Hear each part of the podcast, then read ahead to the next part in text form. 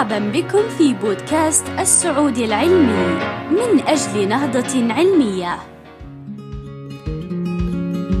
لدى جميعنا تقريبا ندبة نأمل أن تتلاشى تماما سواء كانت ناتجة عن عملية جراحية أو حلاقة خرقاء أو من حادث دراجة هوائية تعرضنا له عندما كنا في الخامسة من العمر. وفي حين عدم وجود الكثير مما نستطيع فعله للندوب الموجودة مسبقا تمكن الباحثون من معرفة كيفية جعل الجروح الجديدة تلتئم بشكل طبيعي ببشرة متجددة عوضا عن نسيج الندبة المعتاد ذاك. وهو أمر كان يعد سابقا من ضمن المستحيلات في الثدييات.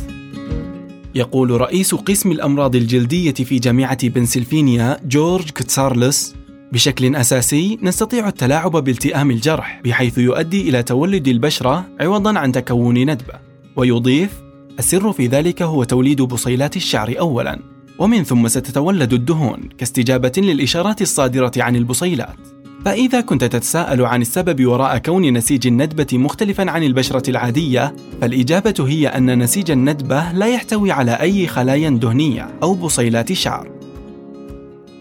إن نوع البشرة التي تتولد على جرح سطحي صغير تكون مليئة بالخلايا الدهنية تماما مثل البشرة التي ولدت بها. مما يعني بأنهما سيلتحمان في النهاية بمجرد أن يلتئم الجرح.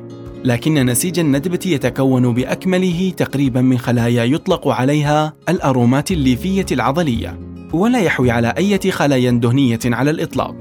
وكنتيجة لذلك لا يمتزج النسيج بالبشرة المحيطة بمجرد ما يتم التئام الجرح بل يبدو مختلفا تماما وبشكل دائم. ويحصل الأمر نفسه في البشرة عند الشيخوخة. حيث نخسر خلايانا الدهنية كلما نتقدم بالعمر مما يؤدي إلى تجاعيد عميقة لا رجعة عنها ومختلفة عن لون البشرة.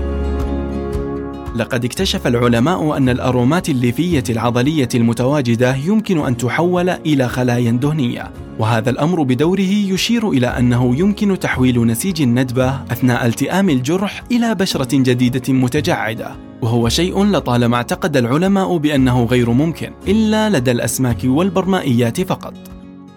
يقول أحد أعضاء الفريق من جامعة كاليفورنيا ماكسيم بليكس تظهر النتائج أنه لدينا فرصة في التأثير على النسيج ليتجدد عوضا عن تكون ندبة بعد الإصابة بالجروح وتشير الأبحاث السابقة التي قام بها المجموعة إلى أن الخلايا الدهنية وبصيلات الشعر تنمو بشكل منفصل في البشرة المتجعدة ولكن ليس بشكل مستقل عن الآخر حيث أن بصيلات الشعر تنمو أولا دائما بسبب اشتباه الباحثون في أن نمو بصيلات الشعر يساعد على نمو الخلايا الدهنية، أرادوا رؤية ماذا سيحدث إذا قاموا بحث بصيلات الشعر على النمو في نسيج ندبة متكونة حديثا في الفئران، وفي عينات جلد بشري مزروع في المختبر. وهذا شيء لن يحدث أبدا بشكل طبيعي وبدون تدخل بشري، حيث أن نسيج الندبة لا يحتوي على بصيلات للشعر، وجد العلماء أن بصيلات الشعر قامت بإطلاق بروتين يسمى بروتين تشكل العظم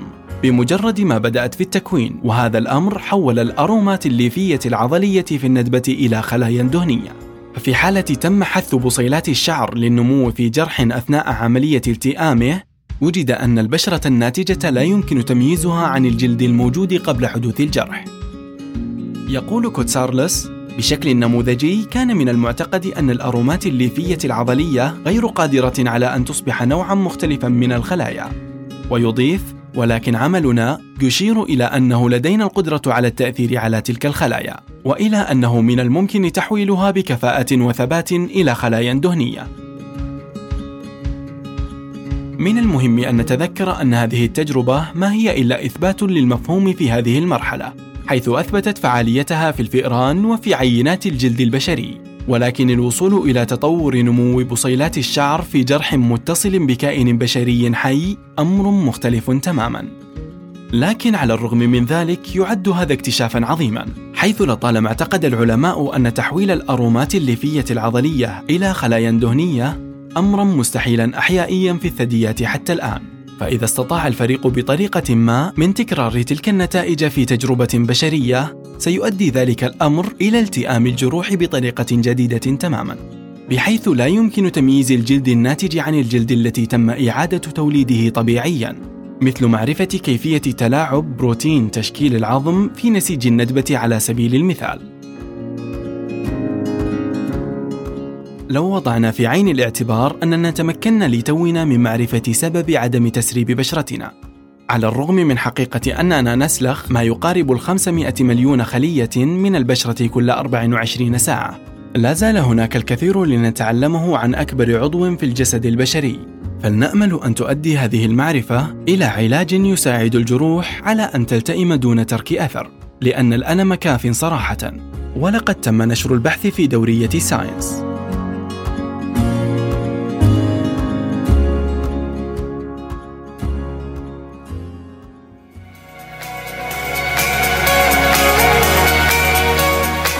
البودكاست من إنتاج مجموعة السعودي العلمي تقديم فادي العمري ومنصور أبو حامد.